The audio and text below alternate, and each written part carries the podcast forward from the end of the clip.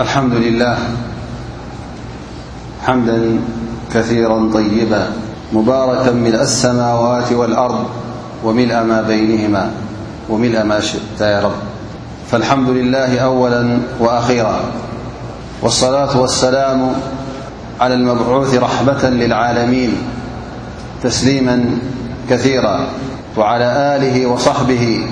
ومن استن بسنته إلى يوم الدين وبعد ر السلام عليكم ورحمة الله وبركاته لوم إن شاء الله تعالى آيمبلسسانشعةسورة التوبة مرناأعوذ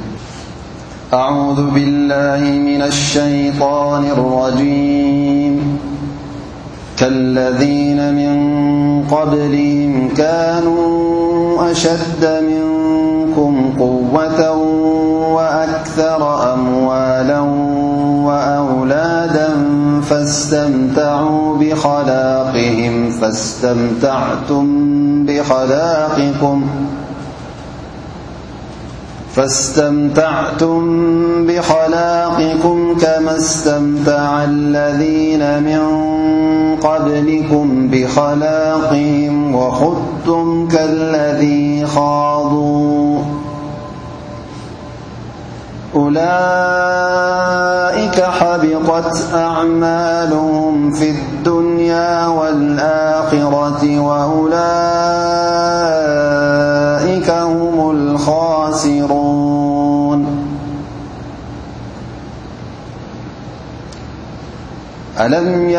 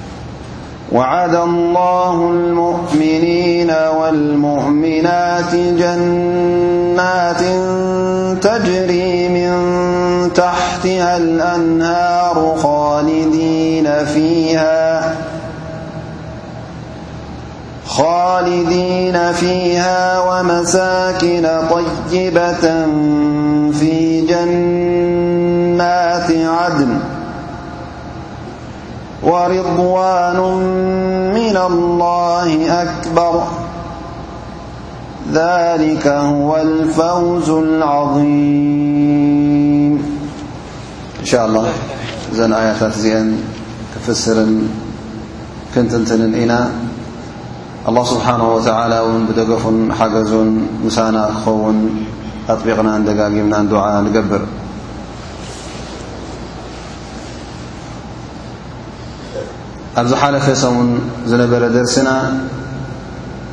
ኣላህ ስብሓንሁ ወተዓላ ነቶም ሙናፍቒን ከምኡ ውን ነቶም ክሓድቲ ብሓደ ጠሚሩ ንእሳተ ጀሃንም ከም ዝበሎም ብሰንኪ ክሕደቶምን ብሰንኪ ኒፋቆምን ኣላህ ስብሓን ወተዓላ መቕጻዕቲ ከውርደሎም ከም ምዃኑ ጠቒስና ኔርና ኣብዚ ኣያ ሎም መዓልቲ ዝቐረእናያ ድማ እታ መጀመርያ ኣያ ኣላ ስብሓን ወተላ እዚ መቕፃዕቲ እዚ እዚ ስቓይ እዚ ነዞም ሙናፍቒን ተዳልዩ ዘሎ እዚ ቓል ዝኣተኽዎ ልክዕ ከምቲ ቕድሚ ሕጂ እውን ነቶም ከምኦም ዝኣመሰሉ ሰባት ብኸምዚ መቕጻዕቲ ክቐጽዖም ከም ምዃነይ ሓቢረ ነይረ። እዚ ተግባር እዚ ዝገበርዎ እውን ሓድሽ ኣይኮነን፣ ቅድሚ ሕጂ እውን ንኣላህ ስብሓነሁ ወተዓላ ዝኸሓዱ ነይሮም እዮም ኢሉ ኣላህ ስብሓነሁ ወተዓላ እሞ ኸኣ ምስኦም ብሓደ ከም ዝጠመሮም ኣብዛ ኣያ እዚኣ ይሕብረና ከለዚነ ምን ቐብሊኩም ከለዚነ ምን ቐብሊኩም ማለት ኣንቱም ሙናፍቒን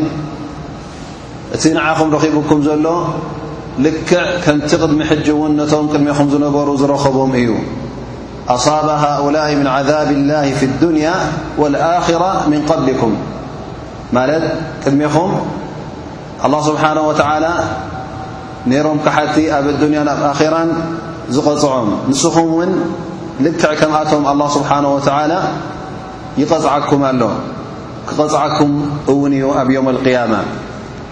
እቶም ቅድሜኹም ዝነበሮ እውን ካባኹም ይሕይሉ ነይሮም ካባኹም እውን ዝያዳ ሃብቲ ነይርዎም ማል ነይርዎም ውላድ ነይርዎም እዚ ዅሉ ግን ኣይጠቐሞምን ኣብ ቅድሚ ኣላ ስብሓን ወተዓላ ናይ ኣዱንያ ሃብቲ ናይ ኣዱንያ ሽሻይ ናይ ኣዱንያ ሓይሊ ኣብ ቅድሚ ኣላ ስብሓን ወተዓላ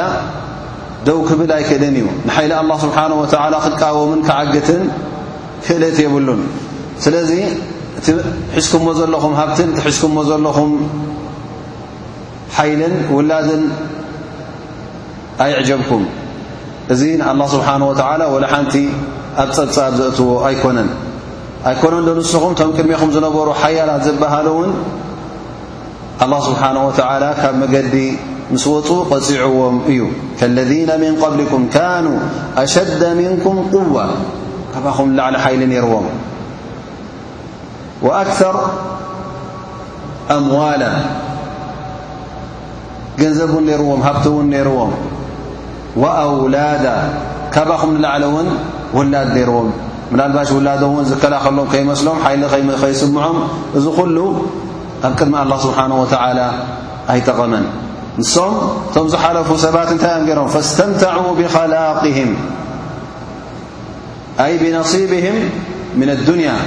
እቲ በዱንያ ዝሃቦም ሽሻይ ኣላ ስብሓን ወተዓላ ተደሲቶምሉ ኣብ ኣዱንያ ከለዉ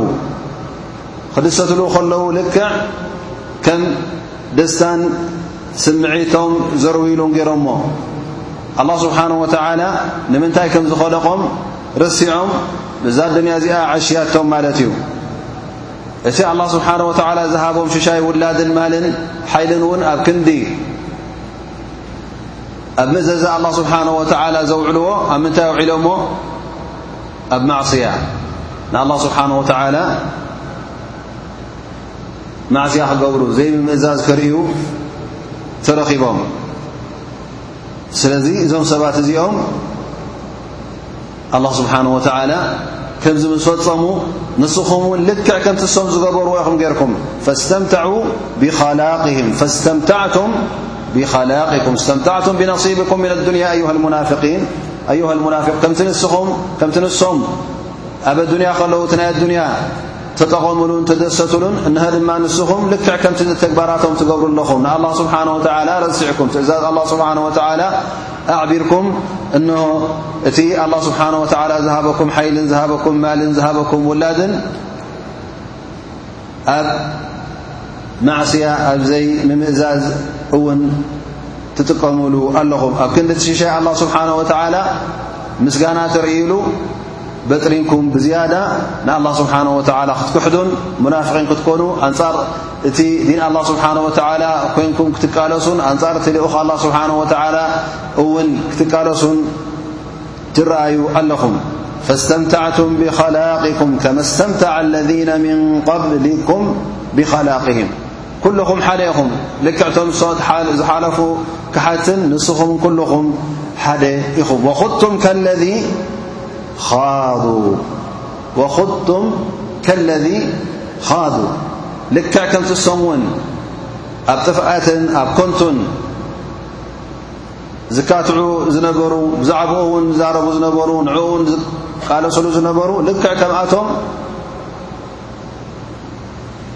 ተኻቲዕኩም ኢኹም ሓሶት ዝመልኦ ዘረባ ውን ትዛረቡ ነርኩም መገዲ ሓቂ ውን ስሒትኩም ነርኩም ስለዚ ኣላ ስብሓን ወተላ እዞም ሰባት እዚኦም ቶም ዝሓለፉ እንታይ ኢሉ ወኹቱም ከለذ ኻض ኡላይከ ሓቢጠት ኣዕማልሁም ከምዚ ስለ ዝገበሩ ካብ መገዲ ሓቂ ስለ ዝወጹ ስራሖም ኩሉ ሓሶትን ኮንቱን ክሕደትን ስለ ዝኾነ ኣላ ስብሓን ወተላ ይብል ኡላይከ ሓቢጠት ኣዕማሉም ኩሉ ትገብርዎ ዝነበረኩሉ ተግባራቶም በኒኑ በርዒኑ ተሪፉ ማለት እዩ ኡላኢከ ሓቢጠት ኣዕማሉም ፈላ ተዋበ ለሁም ፍጹም ኣጅሪ የብሎምን ምኽንያቱ ተግባሮም ኩሉ ብልሹ ፋስድ ስለ ዝኾነ ኣላ ስብሓን ወተዓላ እውን ኣይቅበሎን እዩ ኣብ ኣዱንያ ይኹን ኣብ ኣኼራ ይኹን እዚ ተግባር እዚ በኺኑ ማለት እዩ በኒኑ ተሪፉ ላይከ ሓቢጠት ኣዕማልም ወላ ለይትን መዓትን ዝሰርሕዎ ር ነይሩ እተ ኮይኑ እውን እዚ ኸር እዚ እውን ተበላሽ ማለት እዩ ምኽንያቱ ክገብርዎ ከለዉ ሊላ ኢሎም ስለ ዘይገበርዎ ሰብ ንኽርእሎም ኢሎም ጥራይ ዝገብርዎ ስለ ዝነበሩ ንኣላ ስብሓን ወተዓላ እውን ኣብ ልቦም እኹል ኣኽብሮት ስለ ዘየሕደሩ ነቢና ሙሓመድ ሰለላሁ ዓለይሂ ወሰለም እውን እኹል ኣኽብሮትን እምነትን ስለ ዘየሕደሩ እዞም ሰባት እዚኦም እቲ ተግባራቶም ዝገብርዎ ዝነበሩ ኩሉ ግዜ ንርእያ ንረኣዩሎ እዩ ነይሩ ኒፋቅ ብግዳም ኣስላማይ ሙእሚን ክመስል ብውሽጡ ግን ቦኽባኽ ኢማን ዘይብሉ ስለ ዝኾነ ኣላ ስብሓን ወተዓላ እዞም ሰባት እዚኦም ዝገብርዎ ዝነበሩ ወላ እውን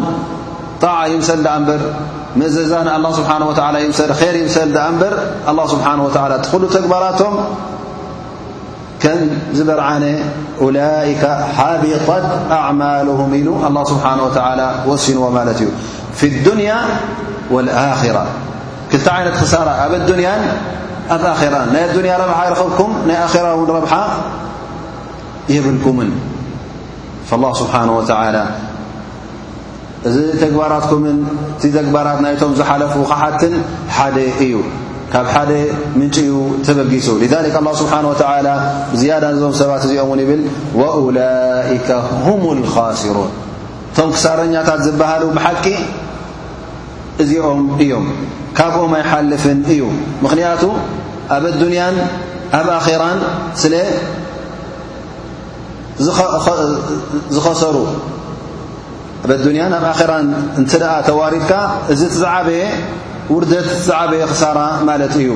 ኣብ ኣዱንያን ኣብ ኣኼራን ኮንቱ ክተርፍ ከለኻ እንታይ ደኣ ተሪፉካ ማለት እዩ ኢዘን ኣላ ስብሓን ወተላ እቲ ዅሉ ክሳራን እቲ ዅሉ ጥፍኣትን እቲ ዅሉ ውጥቀትን ንመን ገይርዎ ነዞም ሰባት እዚኦም ነዞም ክሓቲ ነቶም መገዲ ኣላ ስብሓን ወተዓላ ስሒቶም ዝኸዱ كالذين من قبلكم لو حبر ابن عباس يبل ما أشبه الليل بالبارحة ا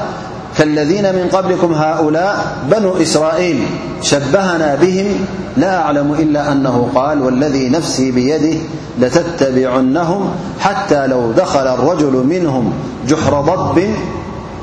ለደኸልቱሙ እብኒ ዓባስ ከለዚነ ምን ቀብሊኩም ኢሉ ክጠቕሰልና ከሎ ይብል ኣላ ስብሓን ወተዓላ ንመን እዩ ዝሕብረና ዘሎ እቶም ቅድሜና ዝነበሩ እቶም ኣላ ስብሓን ወተዓላ ልኡኻን ልኢኹሎም ከም እቶም ኣህል ክታብ መገዲ ክርስትና ሒዞም ዝኾ ዝነበሩ መገዲ ኣይሁዳውያን ዝነበሩ እሶም መጀመርያ እቲ ልኡኽ ኣላ ስብሓን ወተዓላ መፂእዎም በቲ ልኡኽ ኣላ ስብሓን ወተዓላ ዝበሎም ሰይድና ሙሳ ኮይኑ ብድሕሪኡ ውን ሰይድና ዒሳ ብኡ ክኸዱ ጸኒሖም ቀስ ብቐስ ነቲ ኣላህ ስብሓን ወተዓላ ዝሃቦም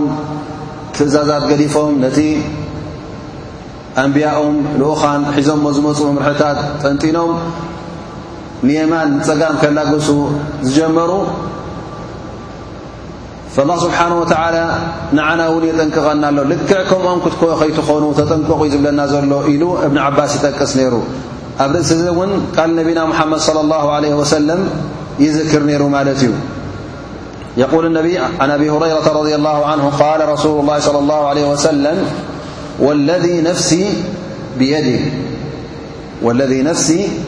ብيድህ لتتبعن سنن الذين من قبلكم شبرا بشبر وذراعا بذراع وباعا بباع حتى لو دخلوا جحر ضب لدخلتموه قالوا ومن هم يا رسول الله أهل الكتاب قال فمن إذن ብኸምዚ ዓይነት እብን ዓባስ ፈሲርዋ ምኽንያቱ እዚ ናይ ነቢና ሙሓመድ صለ ላሁ ለ ወሰለም ሓዲ ስለ ዝረኣየ ኣላ ስብሓን ወተላ ከለذና ምን ቐብሊኩም ክብለና እንከሎ እውን እቶም ቅድሜና ዝነበሩ እቶም ኣይሁዳውያን ይኹኑ እቶም ክርስትያን ይኹኑ ከመይ ገይሮም ነቲ ዲኖም ገዲፎም ንየማን ፀጋም እናላገሱ ኮይዶም ካብቲ ዲኖም እውን ወፂኦም ተረኸቡ ልክዕ ንስኹም ውን ከምኦም ከይትኾኑ እዩ ዘጠንቅቐና ዘሎ ኣላ ስብሓን ወተላ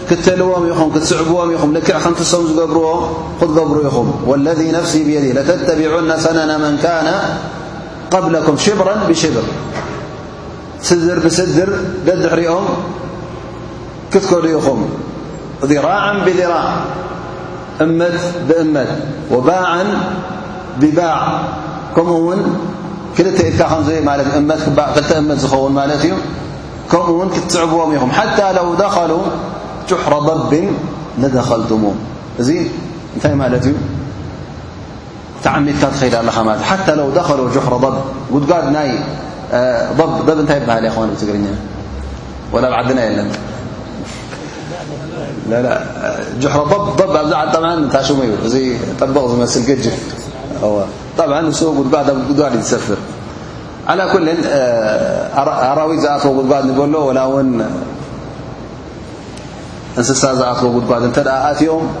ስቕ ኢልኩም ደድሕሪኦም ክትኣትዉ ኢኹም ለና ኣሎ ማለት እዩ ኣላ ስብሓን ወተላ ፈኢደን እንታይ ዘርእየና ዘሎ እቲ ወዲ ሰብ ኩሉ ግዜ በቶም ቅድሚኦም ዝነበሩ እውን ይታለል እዩ እሶም እና መርሑኻ ትኸይድ ተኣ ስቕ ኢልካ ከድካ እውን ትጠፍ ኢኻ ማለት እዩ ፈኢደን እዚ መጠንቀቕታ እዚ ኩሉ ግዜ ሰብ ገይርዎ ኢልካ ክትገብር የብልካን እንታይ ደኣ ሙእምን ኩሉ ግዜ መምርሒ ኣለዎ ገይሮሞ ኣይኮነን መምርሒኡ እንታይ ደኣ ቃል ኣላ ቃል ረሱሉ ላ እናበለ ንዑ እዩ ወልሙእምን እማ ኣይኮነን ማለት እን ኣሕሰነ ናስ ኣሕሰኑ ወይ ኣሳእ ኣናስ ኣሳእ ሱቕ ኢሉ ሰብ ገይሮሞ ኢሉ ፅቡቕ ተገይሮም ፅቡቕ ገብር እከይ ተገይሮም ከዓ እከይ ዝገብር ኣይኮነን እንታይ ደኣ እን ኣሕሰነ ናስ ኣሕሰን ሰብ ሰናይ እንተ ገይሩ ምስኦም ሰናይ ይገብር ወይን ኣሳኡ ግን ከምኦም ልክዕ እከ የገብርን እዩ እንታይ ደኣ መገዲ ቅንዕና ሒዙ እዩ ዝኸይድ እዘን ዓይኑ ተዓሚቱ ኣይከይድን እዩ እንታይ ደኣ ዓይኑ ከፊቱ እዩ ዝኸይድ ኩሉ ግዜ ስጉምቲ ክስጉም እንከሎ ሙእምን ኣበይ እግሩ ከም ዘንብር ክፈልጥ ኣለዎ። ስጉምቲ ክስጉም ከሎ ካብ ፍልጠት ካብ ዕልሚ ተበጊሱ ክስጉም ኣለዎ ደኣ እምበር ሰብ እገብሮ ኣሎ ጸኒሑኒ እዩ ይግበር ኣሎ ኩሉ ሰብ በዚ ከይድ ኣሎ ኢልካ ስቕልካ ነዚ መንገዲ ሕዝቦ ዘሎ ሰብ ክትከይድ ጌጋ እዩ ማለት እዩ። ኣላ ስብሓን ወተዓላ ኣብዚ ኣያ እዚ ነቢ ስለ ላሁ ለ ሰለም ኣብ ዝሰማዕናዮ ሓዲት እውን ኣጠንቂቑና ማለት እዩ እቲ እንኽተሎ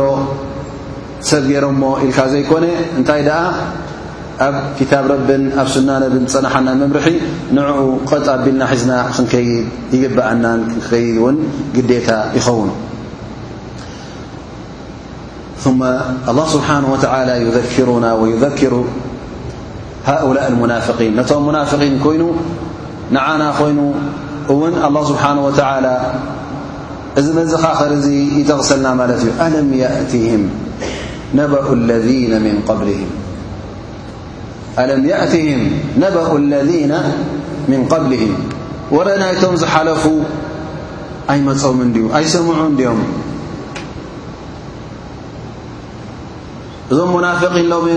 ነቢ ሙሓመድ صለ ላሁ ለ ወሰለም ምቕባል ኣብዮሞ ዘለዉ ነቲ መልእኽቱ ነጺጎም ዘለዉ ዛንታ ናይቶም ዝሓለፉ ክሓቲ ኣይመጾምን እንድዩ ኣይሰምዑ እንድዮም እንታይ ከም ዘጓነፎም ከ ኣይፈለጡ እንድዮም ነጊርናዮም እንዲና እዚ ወር እዚ እውን ይስማዕ እንድዩ ከም ታሪኽን ከም ዛንታን ይጥቀስ እንድዩ ኣለም ያእትህም ነባኡ ለذነ ምን ቐብልህም እቶም ዝሓለፉ እማታት ከመይ ከም ዝነበሩ እንታይ ከም ዘጓነፎም ከ ኣይፈለጡን ድኦም ኣላ ስብሓን ወተዓላ ኣብዚ ኣያ እዚኣ ብሕፅር ዝበለ ኣገባብ ካብተን ዝሓለፋ እማታት ገለ ጠቒሱ ኣለም ያእትህም ነበኡ ለذነ ምን ቐብልም ቐውሚ ኖሕ ሓደ ካብኣቶም ንቀውሚ ኖሕ ጠቒሱ ማለት እዩ ኣላ ስብሓን ወተዓላ ከምቲ ኩላህና ንፈልጦ ቆውሚ ኖሕ ድማ ኣላ ስብሓን ወተላ ኖሕ ናብ ህዝቡ ተላኢኹ ን9ሓ ዓመት ዝኸውን ናይ ዳዕዋ ጎስጓስ ኣካይዱ እዚ ኩሉ ጎስጓስ ኣካይዱ ዳዕዋ እናገበረ ከሎ ህዝቡ ፈፂሞም ምቕባል ኣብዮሞ ነቲ ዳዕዋናቱ ነፂጎሞ ትሽዓተ ሚእትን ሓምሳን ዓመት ዝኸውን ዓመታት ኣላ ስብሓን ወተዓላ ዕድል ሂብዎም ኣብ መጨረሻ ግን እንታይ ኮይኑ መቕጻዕቶም ኣላ ስብሓን ወተዓላ ንዅሎም ብማይ ኣጥፍእዎም ንዅሎም ኣብ ማይ ኣጥሊቑ ከም ዝሞቱ ገይርዎም እቶም ዝኸሓዱ ዅሎም ወዱ እውን ሓደ ካብኣቶም ነይሩ ኣላ ስብሓን ወተዓላ ወዲ ነቢ ኢሉ ኣይመሓሮን ምኽንያቱ እዚ ሰብ እዙ ስለ ዝኸሓደ ስለዚ ኣቦኻ ነቢ ኮይኑ ኣቦኻ ወሊ ኮይኑ ኣቦኻ ሳልሕ ኮይኑ ንዓኻ ጀናየትወካን እተ እስኻ ሙሽርክ ኮንካ እንተ ንስኻ ክሓደ ኮንካ ፈፂሙ ኣይጠቕመካን እዩ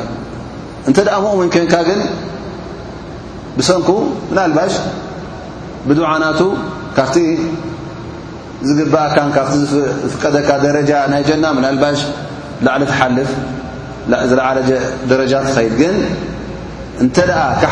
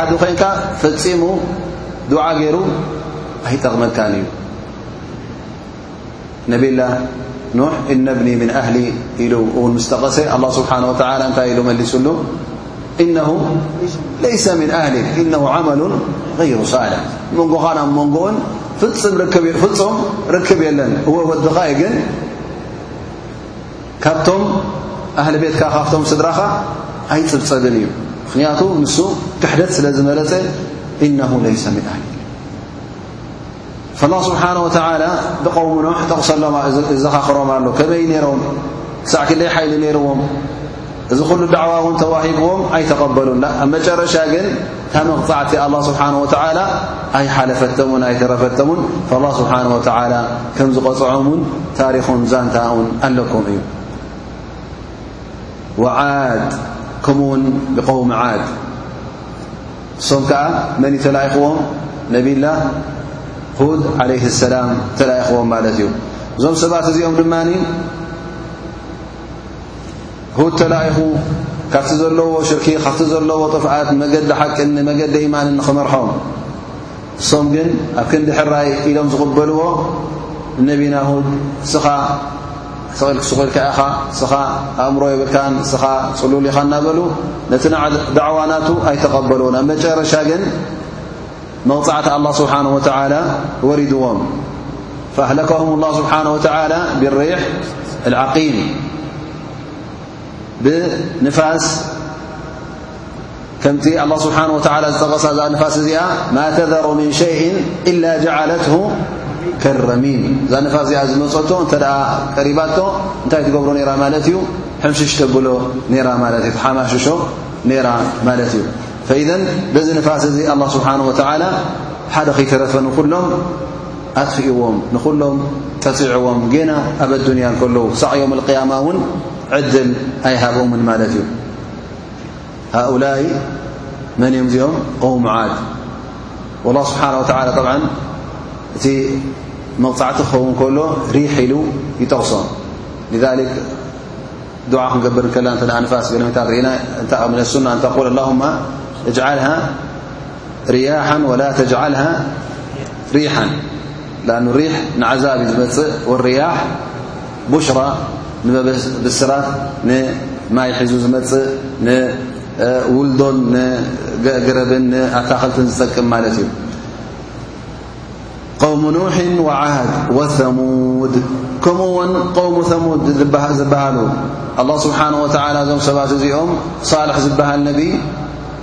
ልኡኽ ልኢኹሎም መልእኽቱ ድማ ኣይተቐበሉን ነታ ኣላ ስብሓን ወተዓላ ኣይትቕረብዋ ኢሉ ዝኣዘዞም ገመል እውን ንዓ ቀቲሎማ ትእዛዝ ኣላ ስብሓን ወተዓላ ምስዕበሩ ኣላ ስብሓን ወተዓላ ነዚኦም ድማ ብሰይሓ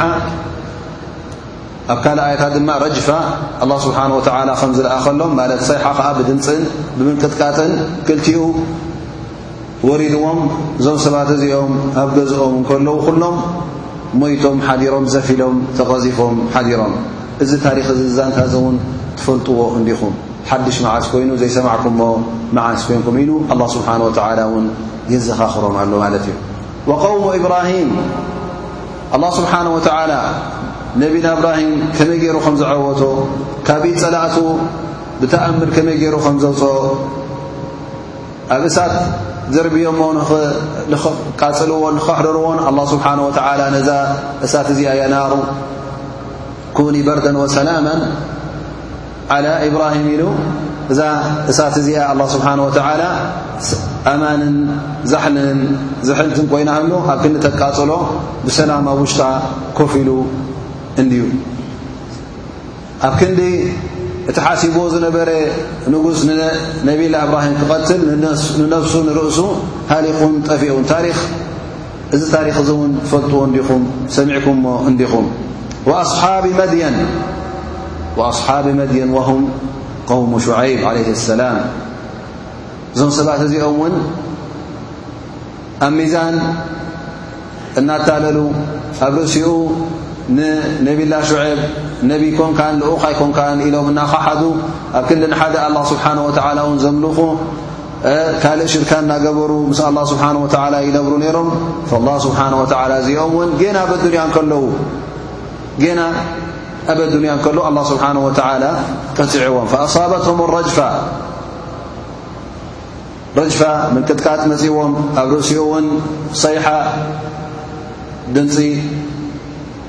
ከምኡ ውን ዓዛብ የውም ኣላ ኣላ ስብሓን ወተላ ኣውሪዱ ኣሎ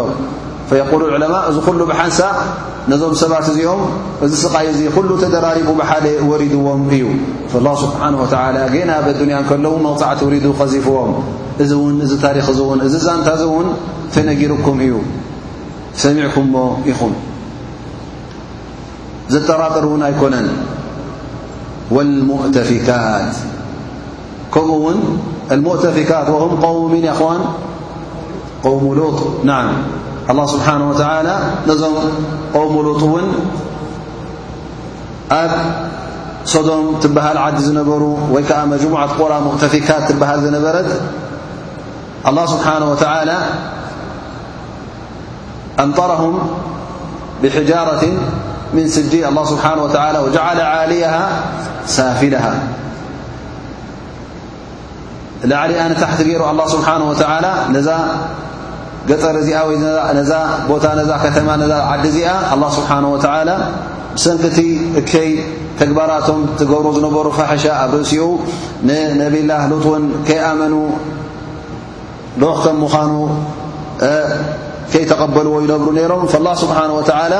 ጌና እዞም ሰባት እዚኦም ብሰንኪቲ ክሕደቶም እውን ኣላ ስብሓን ወተላ እንታይ ገይርዎም ቀፂዕዎም ማለት እዩ ላ ስብሓን ወተላ ነዞም ሙናፍቒን ጌና በዱንያ ከለኹም እኮ መቕፃዕቲ እውን ክመፃኩም ይኽእል እዩ ከምቲ ኣብዛንታ እዞም ሰባት እዚኦም ዘንበብኩሞን ዝሰማዕኩሞን ንዓኹም እውን መዓስ ርሑቕ ኮይኑ ኢሉ ኣላ ስብሓን ወተዓላ የጠንቅቖም ኣሎ ማለት እዩ ኣተትሁም ሩሱሉሁም ብልበይናት እንታይ እዩ ተረኺቡ ኩሎም እዞም ዝሓለፉ እማ እንተ ዳሪኢና ካብ ቆውሚ ኑሕ ወዓድ ወተሙድ ቆውሚ እብራሂም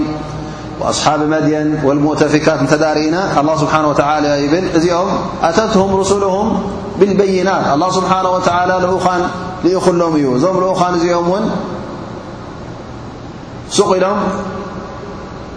ጥርምረ ዝኾነ ዘረባ ሒዞም ኣይኮኑን መፅኦም ፋይዳ ዘይብሉ ዘረባ ኣይኮነን ሒዞም መፅኦም እንታይ ደኣ ኣተትሁም ብልበይናት ሕጀጅ ሙርትዖታት ሒዞም ደላኢል ቃጢዓ ዘየጠራጥር መርትዖ ሒዞም ቀሪቦምኹም እዮም እሞ ከመይ ጌርኩም ነዞም ልኡኻን እዚኦም ክሒድኩሞም ኣተትም ሩሱሎም ብልበይናት ኩሎም ልኡኻን ተላኢኸሞም እዮም ኣላ ስብሓን ወተላ እውን መቕፃዕቲ ከውርደሎም ከሎ ቆፅዖም ከሎ ስቑ ቀፅዖምን ልኡኻን ከይለኣኸ ኣይኮነን መጠንቀቕታ ከይሰደድ ኣይኮነን ሓበሬታ ከይሃበ ኣይኮነን ኣላ ስብሓን ወተላ ዕድል ሂቦም ከምቲ ዝበልናዮ ህዝቢ ኖሕ ዓለይ ሰላም ኣላ ስብሓን ወተዓላ ትሽዓተ ሚትን ሓምሳን ዓመት ዝኣክል ድላዮም እናኸሓዱ ከለዉ ኣላ ስብሓን ወተዓላ ዕድል ሂቦም ምናልባሽ ለብዘበን እንተ ደኣ ዘይኣመኑ ንዓመታ ይኣምኑ ንዓመታ ዕድል ንዓመታ እናበለ ኣላ ስብሓን ወተዓላ እዚ ዅሉ ዕድል ሂቦም ግን እዞም ሰባት እዚኦም ነዚ ዕድል እዙ ኣይተጠቐሙሉን ኣተትሁም ርሱሎም ብልበይናት ነቢልና ኖሕ እውን ኣብዚ ትሽዓተ መትን ሓምሳን ዓመት ስቑል ይኮነን ኣሕሊፍዎ እንታይ ደኣ ዳዕዋ እናገበረ እናጠንቀቐ መገዲ ሓቂ እናብረሀ እቲ ሓቂ በይ ከም ዘላ እናገለጸ ክገልጸሎም እንከሎ እውን ከምቲ ዝበልናዮ ብመርትዖ ብኣድላ እናቕረበ እዩ ዝዛረቦም ነይሩ ግን እዞም ሰባት እዚኦም ኩሎም ምእማን ምስ ኣበዩ ኣላ ስብሓን ወተዓላ ብድሕሪ እዙ መቕፃዕቲ ኣውሪዱሎም ፈቃል ፈማ ካነ ኣላሁ ልየظሊመሁም ኣላ ስብሓን ወተዓላ ነዞም መቕጻዕቲ ዘውረደሎም እውን ዓሚፅዎም ማለት ኣይኮነን ፈፂሙ እውን ኣላ ስብሓን ወተዓላ ኣይዕምፅን እዩ በዓል ዓመፅ ኣይኮነን በል ከምቲ ዝበልናዮ ልኡኻን ልኢኹ እዞም ልኡኻን እዚኦም እውን ሓበሬታ ሂቦም እቲ ሓበሬታ ዝብዎ ዝነበሩ እውን በብመርትዑኡ እዩ ነይሩ ስለዚ ኣላ ስብሓን ወተዓላ እዞም ሰባት እዚኦም ሃር ዓሚፅዎም ክንብል ንኽእል ኣይዓመጾምን ዕድል ሂብዎም ዓመታት ሓንቲ መዓልቲ ክልተ መዓልቲ ኣይኮነን ዓመት ክልተ ዓመት ኣይኮነን እንታይ ደኣ ገሊኡ ብኣማኢት ዝቝጸር ዓመታት ተጸቢዎም ኣላ ስብሓን ወተዓላ ሊዛሊክ ኣላ ስብሓን ወተዓላ ክቐጽዖም እንከሎ መቕጻዕቲ ክወርደሎም እንከሎ ፍጺሙ ኣይዓመጾምን ፈማ ካነ ኣላሁ ልየظሊመሁም ወላኪን ካኑ ኣንፍሰሁም የظሊሙን እዞም ሰባት እዚኦም ባዕሎም እዮም ነብሶም ዓሚጾም ምኽንያቱ ነቶም ልኡኻን ምቕባል ኣብዮም ነቲ ሓቂ ነጺጎም እምቢ ኢሎም ስለዚ እቲ መቕጻዕቲ ድማ ወሪድዎም ስለዚ ባዕሎም እዮም ነቲ መቕጻዕቲ ኣብ ዝባኖም ኣውሪዶሞ ስለዚ እዞም ሰባት እዚኦም ነፍሶም ዓሚጾም ኣብ ኣዱንያ መቕጻዕቲ ንኽወርዶም ኣብ ኣኼራ ድማ እንደገና ካልእ ዓቢ መቕጻዕቲ እውን ይጽበዮም ኣሎ ስለዚ ኣላ ስብሓን ወተዓላ ፍጹም ዓማጺ ኣይኮነን ዓመጽ እውን ኣይፈቱን እዩ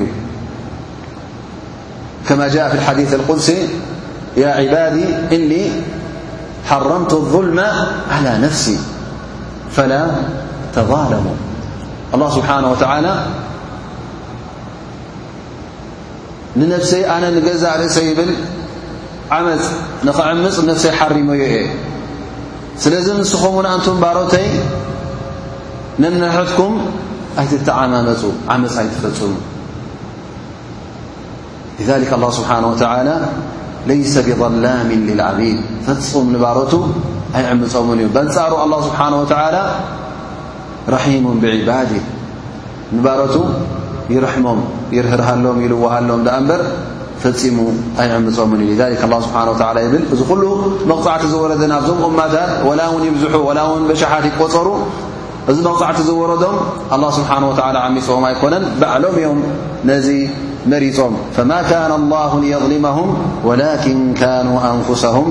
የظሊሙን ካብዚ ኣያ እዚ እንታይ ንርዳእ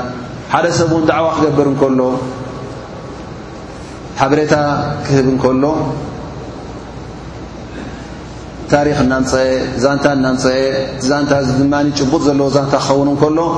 እዚ ዛንታ እዚ ድማ ምስቲ ህብረተሰብ ብዝያዳ ተኣሳሰረ ክኸውን እንከሎ ንዕኡ እናምፀአ ከም ዕብራ ገይሩ ከም መለበሚ ገይሩ ከቕርቦ እንከሎ እዚ ሓደ ካብቲ ኣገባብ ናይ ዳዕዋ ይኸውን ኣላ ስብሓን ወተዓላ ነዞም ሰባት እዚኦም ብዝያዳ ንኽርድኡ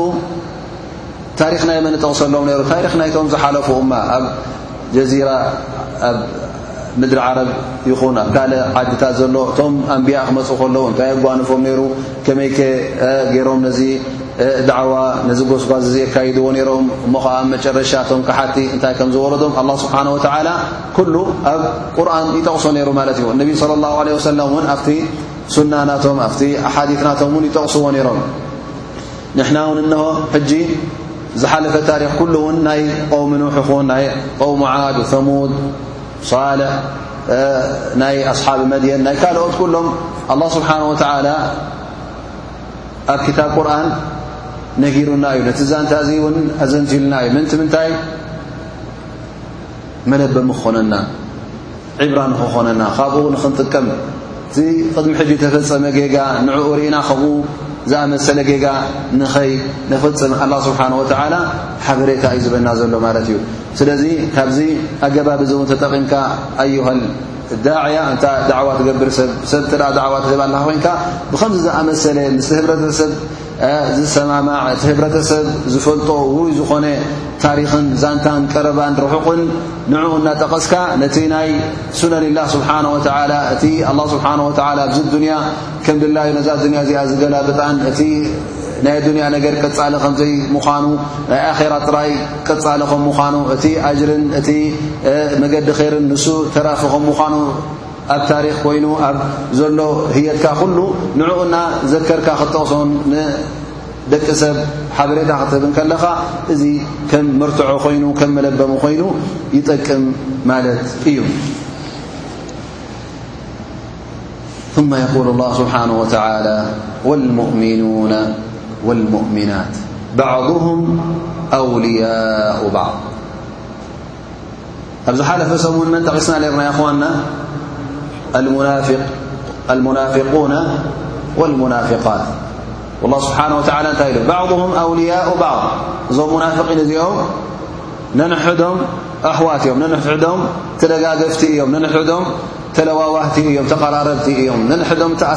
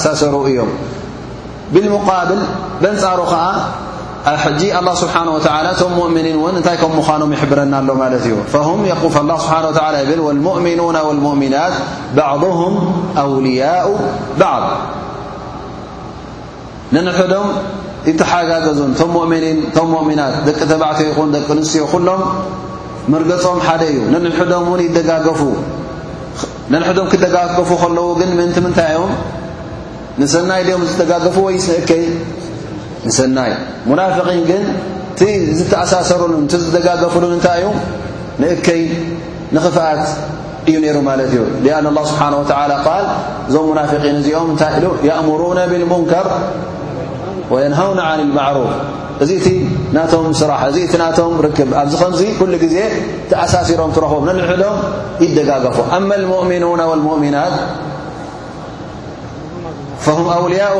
ذ أም الرፍ والنهي عن المنكر معروف نقبر منكر ون نترف كبون نرحق ي ننحدم دجافل مالت ولذلك النبي صلى اله عليه وسلم م يقول في الصحيح المؤمن للمؤمن كالبنيان يشد بعضه بعضا وشبك النبي صلى له سلم بين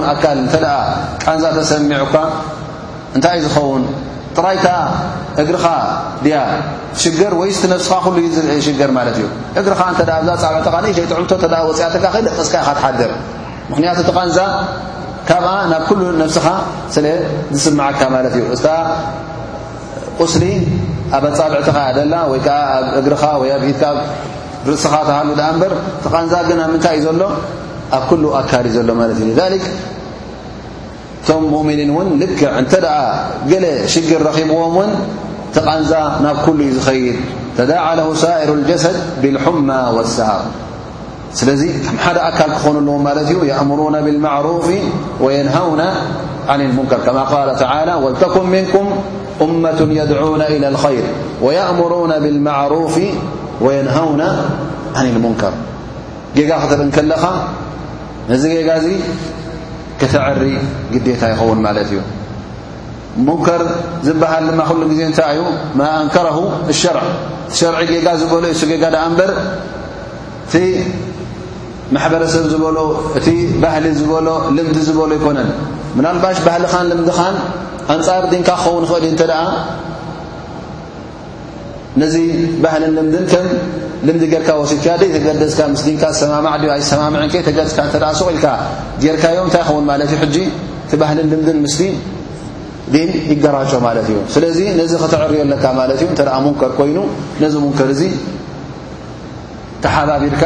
ደው ከተብሎ ኣለካ ነዚ ጌጋ እዚ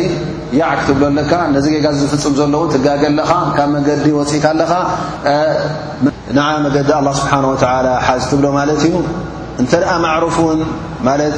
ሰናይ ተግባር እቲ ኣላ ስብሓን ወተላ ዝኣዘዞ እቲ ነቢና ሙሓመድ ለ ላ ለ ወሰለም ዝኣዘዝዎ ሰብ ክገድፎን ካብኡ ክረሕቅን እንተ ደኣ ጀሚሮ እውን ንስኻ ንዑ ትጋገዩ ኣለኹም ነዚ ሰናይ እዚ ንግበሮ ኣይንግደፎ ኢልካ ትዛረብ እቲ ሓደ ሓውኻ ውን ኻልኣይ ከምኡ ኢሉ ይዛረብ ኩልኻ ሕጂ ንሕፍካ እንታይ ትገብር ኣለኻ ማለት እዩ ትደጋገፍ ኣለኻ ማለት እዩ ከም ሓደ ኣካል ወዲ ሰብ በይኑ እንተ ደኣ ኮይኑ ወይ ይርስዕ ወይ ከዓ ይረሳሳዕ ፈሊጡ ኢሉ እውን ይርስዖ ማለት እዩ ዘዘክሮ ሰብ ዘዘኻኽሮ ሰብ ክረክብ ከሎ ድማ እንታይ ክኸውን ማለት እዩ ሕጂ ዘተባብዖ ምስ ረኸበ ይቕፅል ማለት እዩ ስለዚ እቲ ምትብባዕን ምትሕግጋዝን እዚ ናይ ምንታይ እዩ ማለት እዩ እቲ ኣላ ስብሓን ወተላ ዝኣዘዘና ነቢ ስለ ላ ሰለም ዝኣዘዙና ማለት እዩ ሊክ እዛ ናይ ኣምር ብልማዕሩፍ ናይ ዓን ሙንከር ኣብዚ ኣያ እዚኣ እተ ክንሪኣ ኮይና ምስ ምንታይ ኣላ ስብሓን ወተላ ኣላጊብዋ ምስቲ ወልሙእሚኑና ወልሙእሚናት ባዕضሁም ኣውልያኡ ባዓል ኣምር ብማዕሩፍ ናይ ሙንከር ማለት በይንኻ ክትገብሮ ትኽእል ኣይኮንካን እንታይ ደኣ ምስቲ ህብረተሰብ ኢኻ እትገብሮ ምስቲ ህብረተሰብ እትፍጽሞ ስራሕ ኣው ከዓ ስርሒት እዩ ደኣ እምበር ውልቃዊ ስርሒት ኣይኮነን እንታይ ደኣ ምስቲ ህብረተሰብካ ምስቲ ሓውካ ኣስላማይ ትራኸበሉን ትፈሓፋሓሉን እዩ እዚ ስለዚ ብምንታይ ክኾን ኣለዎ ዝምርኻብ ናትካ እዚ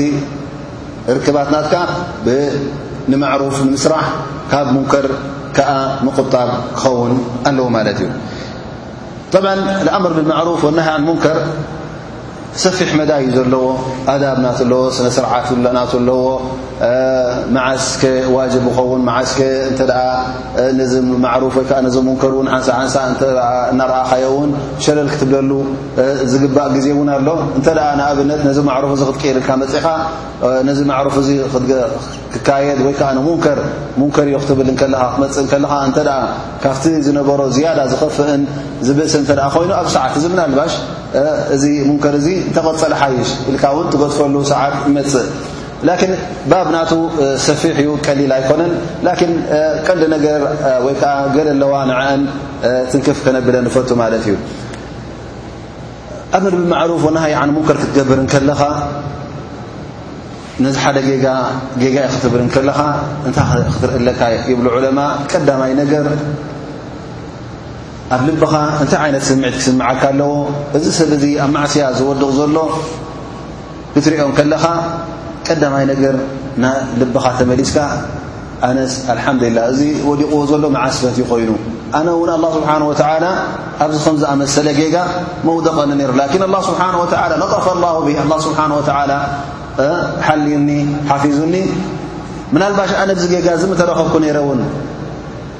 ላኪን ኣላ ስብሓን ወተላ ንዓይ ናብ መገዲ ር ኣፅኒሑኒ እዚ ድማ ተጋጊ ዘሎ ክዕርዮን መገዲ ር ንክመርሖን ኢልካ ኣብ ልብኻ ሕጂ እዚ ስምዒት እዚ ክስምዓካ ኣለዎ ኣይን ኣብ ርእሲኡ እውን ሃል እዚ ር እዚ እዚ ዘለኻዮ መገዲ ር ሒዝካዮ ዘለኻ ይቕፅል ዶ ኣይቅፅልን ኣይትፈልጥን ኢኻ ስለዚ ካብዚ እውን ክትጥንቀቕ ኣለካ ኣልሓምዱሊላ ኢልካ ኣነ ሕጂ ኣብ መገዲ ከደ ዝፀሓኒ ድሕሪ ሕጂ እውን ክቕፅለለይ ምናልባሽ ብድሕሪ ሕጂ እውን ኣነ ከምዚ ንሱ ዝሓወይ ሰጋጊ ዘሎ ኣብ ጌጋ ወዲ ክኸውን ንሱ እውን ይዐርየኒ ይኸውን ኣይፍለጥን እዩ ኣኑ ከሮ ምና ናስ ክንደይ ሰብ ኣለዎ ኣብ ጌጋ ነይሮም ቶባ ምስ በሉ እንደገና እውን ንጌጋ ዝወድቕ ምኽንያቱ ኣነስ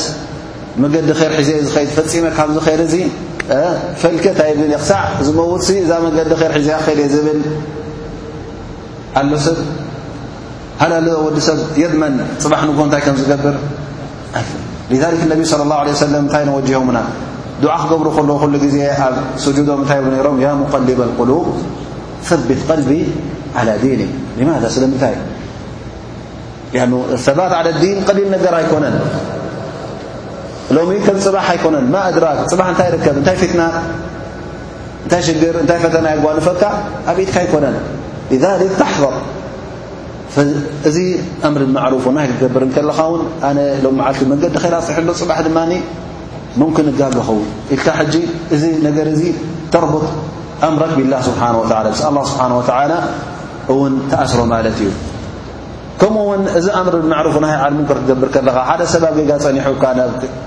ካብቲ ጌጋ ክትመልሶ ከለኻ ወይ ከዓ ሓንቲ ነገር ዘይገበራ ነራ መዕሩፍ ንዓ ግበራ ክትብሎም ከለኻ ካብ ትዕቢት ክትርሕቕ ኣለካ ኣነ ካብኡ ሒሸ ኮ ኣነ ሕጂ ንዕኡ መገዲ ኸይር ዝመርሖ ዘለኹ ዝበሃል ስምዒት ክስምዓካ የብሉን ርያ ዝበሃል ውን ናይ ርኣዩለይ ስምዑለይ ን ምናልባሽ ክኣትወካ ስለ ዝኽእል ካብዚ ክትርሕቕ ኣለካ ማለት እዩ ነቲ ካብ ጌጋ ትመልሶ ዘለኻ ድማ ከም ውርደተኛን ሕሱርን ጌርካ ክትሪኦ የብልካን ምኽንያቱ እዚ እውን ሓዉኻ እዩ ኣነ ልዕሊኡ እሱ ትሕተይ ክትብል የብልካን ሊኣኑ ምናልባሽ ሓደ ሰብ እዚ ስምዒት እዚ ኸይተፈለጦ ይስምዖ ኸውን ንነብሱ ከም ኩሉ ግዜ በዓልቲ ኼር ገይሩ ይወስዳ እቶም ካልኦት ግን ኩሉ ግዜ ሰብ ሸር ሰብ ጌጋ ጌጋ ዝወጥቁ ንዕኦም ሕጂ ክሪኦም እንከሎ ኩሉ ግዜ ብዓይኒ እንታይ ገይሩ ይሪኦም ማለት እዩ ብዓይኒ ውርደተኛታት ገይሩ ይሪኦም ማለት እዩ ነብሱ ክብርትን ልእልትን ገይሩ ክሪኣ ከሎ ንዕኦም ኣብ ትሕቲኡ ዘለዉ ገይሩ ይሪኦም ማለት እዩ እዚ ሕጂ ካብ ምንታይ ኩሉ ግዜ ሸይጣን ኩሉ ግዜ እንታይ ከምጻልካ ዝደሊ ትዕቢት غሩር ኣብ ነብስኻ ንኽሓድር እዚ ምስ ሓደረ ድማ ሕጂ እቲ ተግባር ንምንታይ ይኸውን ማለት እዩ ሃ እዚ ንሌላ ኢኻ ትገብሮ ዘለኻ ወይስ ንነብስኻ ኢዘን ነሲብ ዕድል ኣትዎ ማለት እዩ ናይ መን ሓظ ነፍስ ይኣትወሎ ማለት እዩ لذلك ከመይ ገይሩ ሓደ ሰብ ነዛ ነፍሱ ሃል ትዕቢት ኣለዋ ዶ እዚ ኣምር ብማዕሩፍ ወናሃይ ዓን ሙንከር ዝገብር ከሎ ርያእ ዩ ዝገብሮ ዘሎ ወይስ ሊላህ ዩ ዝገብሮ ዘሎ ክፈልጥ እንተ ደኣ ኮይኑ ይብሉ ዑለማ ነቲ ኣምር ብማዕሩፍ ወናሃይ ዓን ሙንከር ክገብሮ ከሎ እቲ ቐንዲ ንያናቱ እቲ ቐንዲ ድየትናቱ እንታይ ክኸውን ኣለዎ እቲ ዘሎ ሙንከር ክጠፍእ እቲ ሙንከር ምእንቲ እቲ ዝግበር ዘሎ ሙንከር ንዕኡ ንኽድምሰስ እዩ እቲ ሃሚ ናቱ ክኸውን ከሎ ወይ ንያ ናቱ እዚ ክኸውን ኣለዎ ብማዕና ንኣብነት ነዚ ሙንከር እዚ ቀዲምዎ ካልእ ሰብ እንተ ደኣ ኣርሒቕዎ እንተ ደኣ ኣልጊስዎ ክሕጐስ ኣለዎ ኣ ባዕድ ኣሕያን እንተ ደኣ ቀዲሞ እሞ ምናልባሽ ቅር ይብሎ ኸውን ኣነ እንዲ ሓሲብ እያ ነረ ኣነ እንዲ ክዕርያ ሓሲበ ነረ እዚኣ ስለምንታይ ቅድመይ መጺኡ እዚ ሰብ እዙ ይዕርያን ይብል እዚ እንታይ ማለት እዩ ማዕናሁ ሓቕፊ ነፍስ ኣሎ ማለት እዩ ኣነ ክገብራ እሞኒ ምእንቲ ሰብ ክርእየኒ ምእንቲ ክስምዓለይ ዝብል ስምዒት ንኸይመጾ ማለት እዩ እዘን እንተ ደኣ እዚ ሰብ እዙ ናይ ብሓቂ ንኡ ሳልሕ ኣሎ ፅኑዕ ወይ ከዓ ቅኑዕ ኣሎ ክንብሎ እንተ ደኣ ኮይንና እታ ሙንከር ጥራይ ንኽትጠፍእ ንሳ ድልዮቱ ጥራይ ክትከውን ኣለዋ ሰዋእ ንሱ ጥፍእዋ ንሱ ደምሲሶ ወላ እውን ብካልኦት እዛ ሙንከር እዚኣ ጠፊኣ ብዘይገድስ እንታይ ደኣ ተቐንዲ ሃምናቱ እታ ሙንከር እታ ጌጋ እታ ገበን ትግበር ዘላ ንሳ ክትርሕቕ ኣለዋ ማለት እዩ እሳ እተ እታ ገበን እተ ጠፊኣ ብዘይገድስ ንሱ የጥፍኣያ ካልኦት የጥፍዋ እንተ ኩሉ ኣምር ብንስባ ስያን ሓደ እተ ኮይኑ እዚ ሰብ እዚ ኣብ ኼራ ኣሎ ማለት እዩ ግን እተ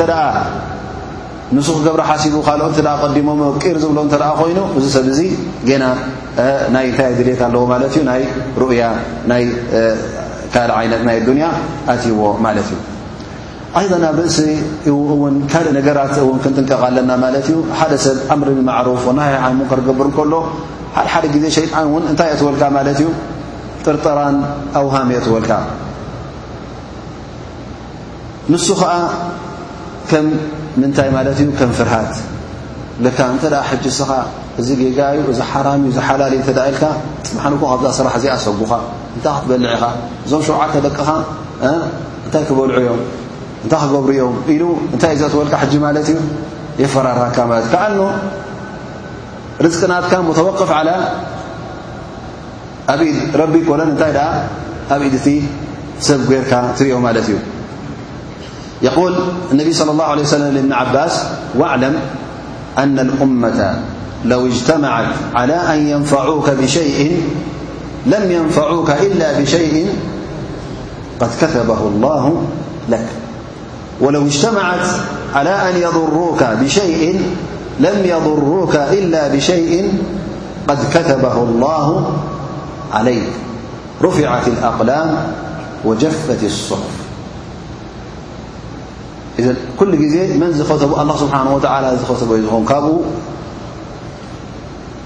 ካብቲ ኣላ ስብሓን ወላ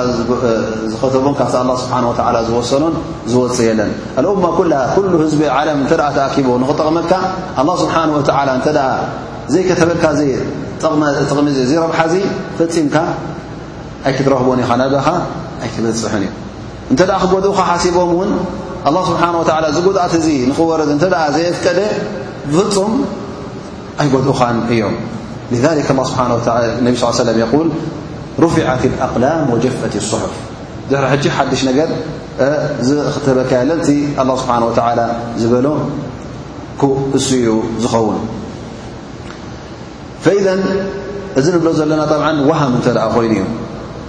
ብማዕና ሓደ ሰብ ከይፈተነ ከሎ ከየበለ ከሎ እዚኦም ክኣስሩኒ እዮም ክቕጥቅጡኒ እዮም ክሃርሙኒ እዮም ክሰጉኒ እዮም ከብሉ እዮም ዝብል ጥራይ ፍርሃት ሒዝዎ ነቲ ሙንከር እናርኣዮ ከሎ ኩሉ ግዜ ሸለል ይብሎ ከይፈተነ ቅድሚ ሕጂ እውን ካልኦት ዝፈተኑ እውን ኣብ ሽግር ከም ዝወደቑ እውን ኣይረኣየን ذልክ እዚ ከምዚ ሕጂ ኩሉ ግዜ ሸይጣን እዩ ዘቀሳቕሰልካ ማለት እዩ ላኪን ብ ዕለማ ኢሎም እንተ ንሓደ ሙንከር ሙንከር ክትብሎ እንከለኻ እሞ እዚ ሙንከር እዚ እንተ ኣብ ሽግር ዘውድቐካ ኮይኑ እዚ ሽግር እዚ ድማ ሙኣከል እቲ ዝረኽበካ ዘሎ ሽግር ድማ ካብቲ ሙንከር ዝዓቢ እንተ ኮይኑ ኣብዚ ሽግር እዚ ኢትካ ይትእቱን ኢኻ እዚ ነገር እዚ ግን ሙኣከል ክኸውን ኣለዎ ርግፀኛ ክኸውን ኣለዎ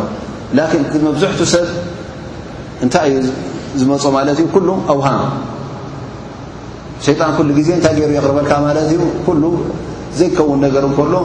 ኸላስ ከም ዝኸውን እንዲ ከም ዝኹ ጥራይ ፍርሃት ሕዘካ ማለት እዩ እነማ ذሊኩም ሸይጣኑ ይኸውፉ ኣውልያ ኩሉ ግዜ ሸይጣን ንመን እዩ ዝረክብ ነቶም ጀማዓት እዩ ዝረክብ ማለት እዩ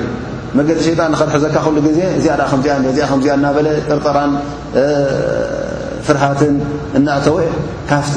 መገዲ ሓቂ ይርሓቃካ ማለት እዩ ስለዚ መብዝሕቱ ሰብ ነዛ ሙንከር እናረኣየ ከሎ ኩሉ ግዜ ሸለል ኢልዋ ይኸይድ ማለት እዩ ሙንከር ከይበለ ጌጋ ከይበለ እዚ ድማ ኩሉ ግዜ ነቲ እማ ንገዛእ ርእሱ እቲ ሓድነቱን እቲ ምትእስሳሮን የፍኩሶን የርቅቆን ማለት እዩ ስለዚ እዚ ምትእሳር እዚ ክልሕልሕ ከሉ ድማ እቲ እማ ንገዛ ርእሱ ፋሕ ብትን ይኣትዎ ማለት እዩ እቲ ኣብ መንጎኡ ዝነበረ ፍቕርን ኣብ መንጎኡ ዝነበረ ተራሑም ምትእስሳርን ምልዋህን ድማ እናፈኾሰ ይኸይድ ማዕሩፍ ሰናይ ሰናዩ እከይ እከይ ክትብል ከለኻ ንዝኾነ ይኹን ሰብ ሃ እከዩ ደሊኻ ጸሊእካዮ ዲኻስ ወይስ ፈቲኻዮ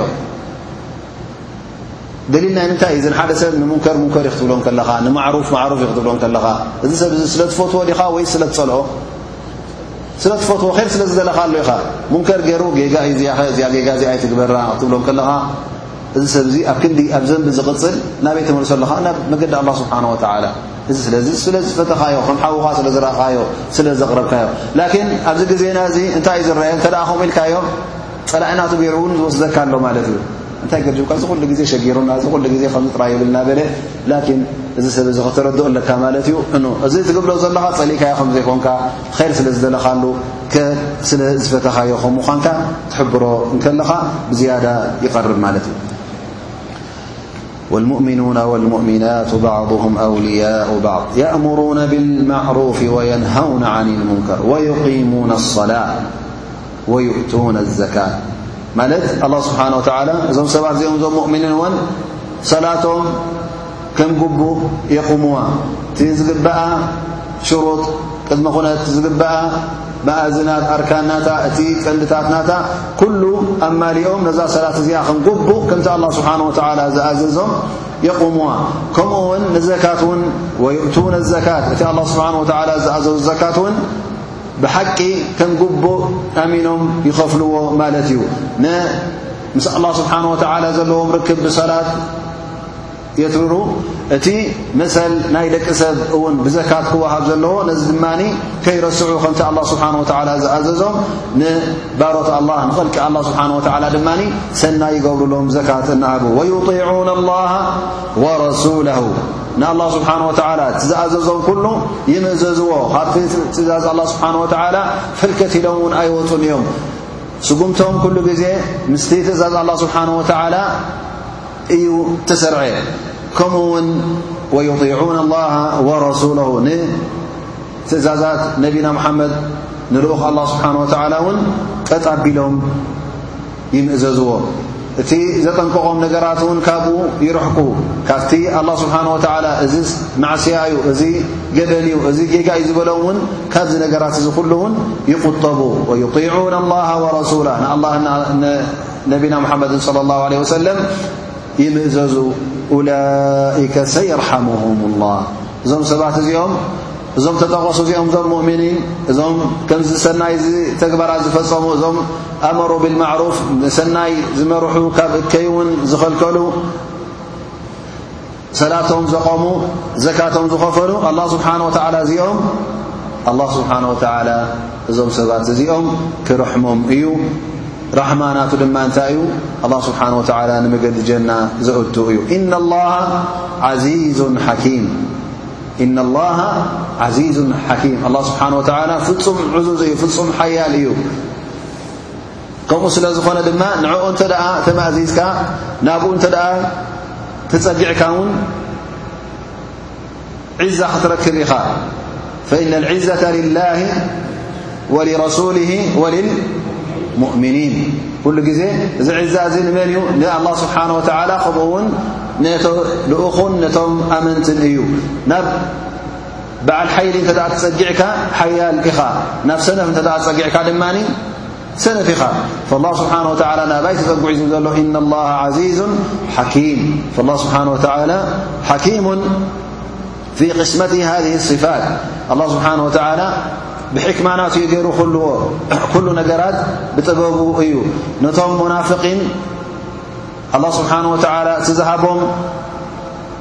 ቅጽላት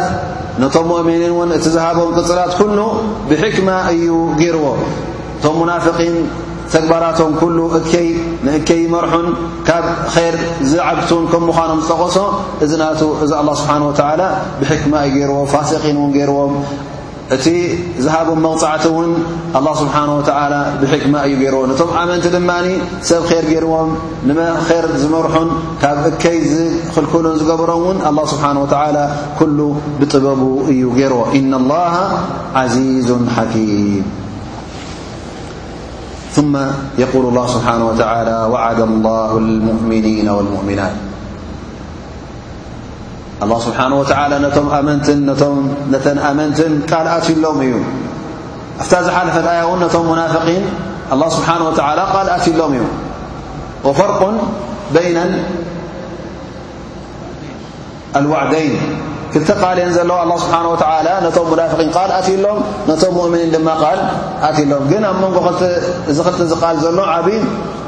ل لمالت وعد الله المنافقين والمنافقات والكفار ماذا ا إخوان نار جهنم خالدين فيها لومي أفزالمع قر أزل لنا آيا دما وعد الله المؤمنين والمؤمنات جنات تجري نت جنايكنة إنما هي جنات جنان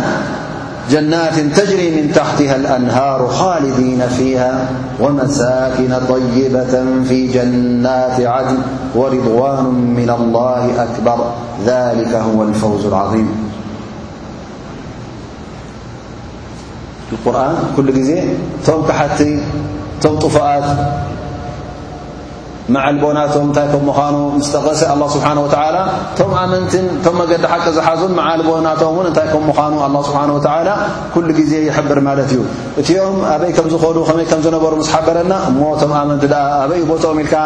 ንኽትሓትት ምስ ተቐረብካ ኣላ ስብሓን ወተዓላ እንሀ መልሲ ይበካ ኣሎ ማለት እዩ ወዓደ ላሁ ልሙእምኒና ወልሙእሚናት እዞም ኣመንቲ ኣላ ስብሓን ወተዓላ ብዙሕ ኸይራት ብዙሕ ሰናያት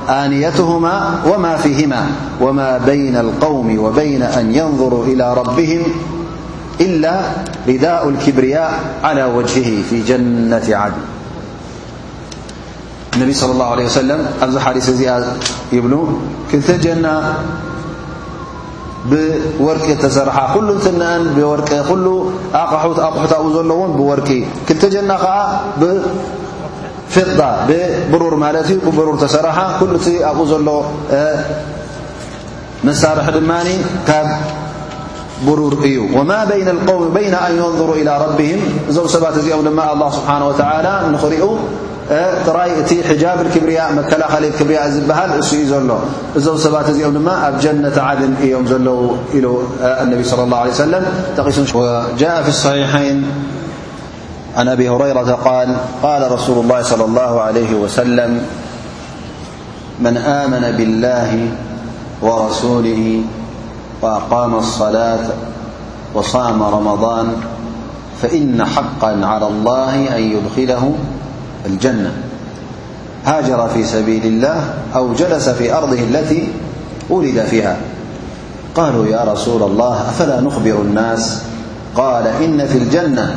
مئة درجة أعدها الله للمجاهدين في سبيله بين كل درجتين كما بين السماء والأرض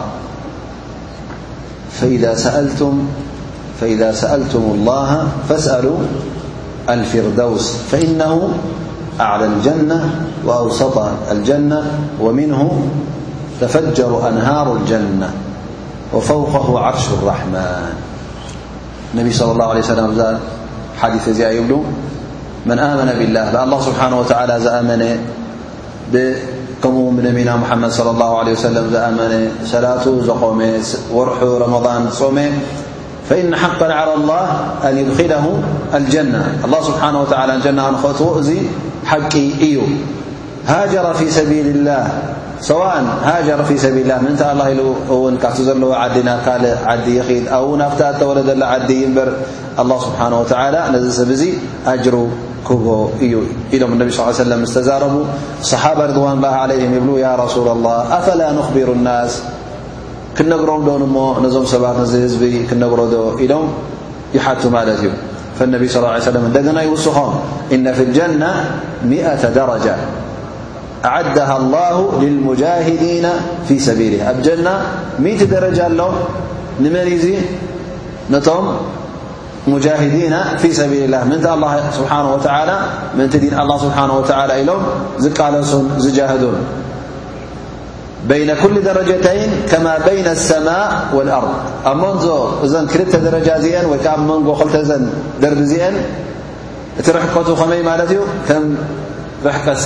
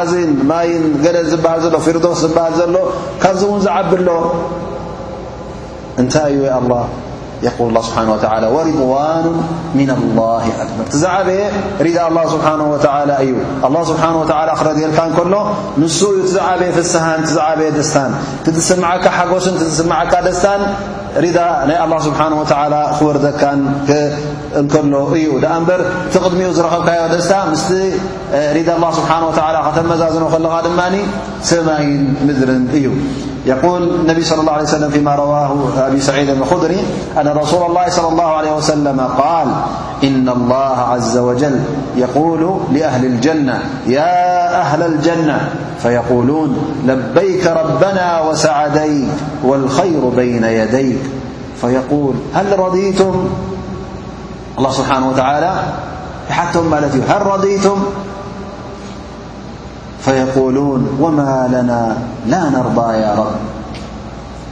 وقد أعطيتنا ما لم تعط أحدا من خلقك فيقول ألا أعطيكم أفضل من ذلك فيقولون يا رب وأي شيء أفضل من ذلك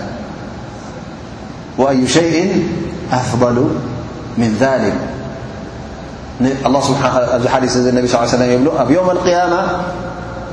ኣላ ስብሓን ወተላ ነቶም ኣህሊ ጀና ነቶም ጀና ዝኣተዉ ክሓቶም እዩ ኣንቱም ሰብ ጀና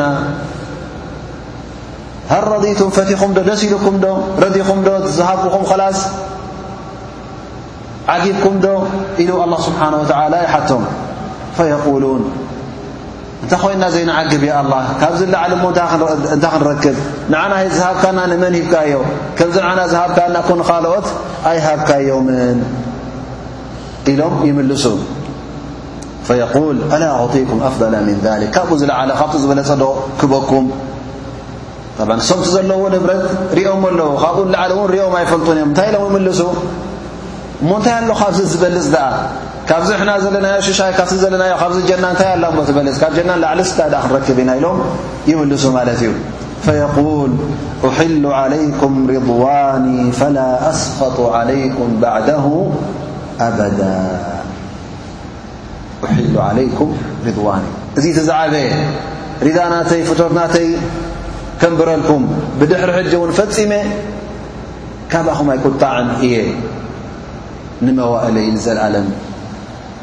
ይብል ኣላ ስብሓን ወተላ እዚ እቲ ዝዓበየ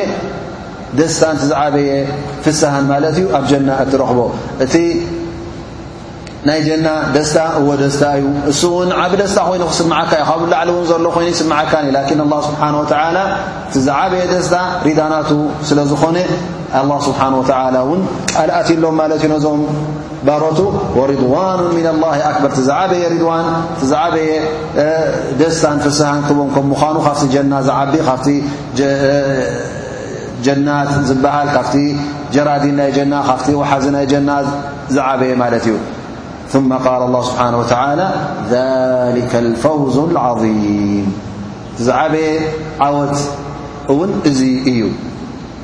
ካብቲ ትፈርሆ ነበርካ ነጻ ወጺእካ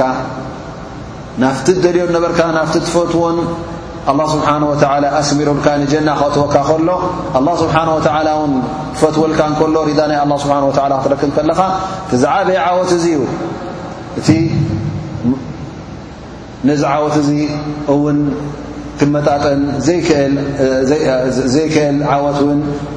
ኩሉ ደስታ ይኹን ኩሉ ስምዒት ናይ ራህዋ ይኹን ኩሉ ስምዒት ናይ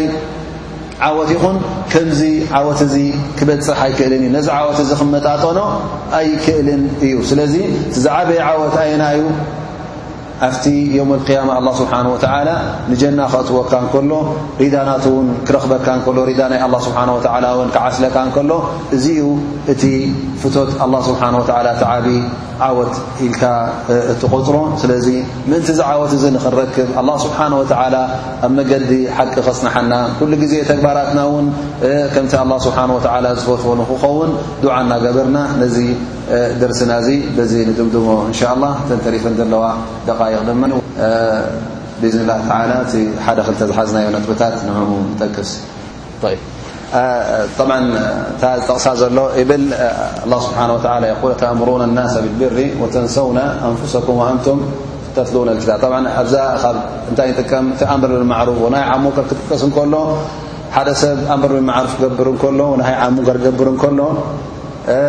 ነፍሱ ክዕር ኣለዎ መጀመርያ ምክንያቱ ንሱ ኣብ መንገዲ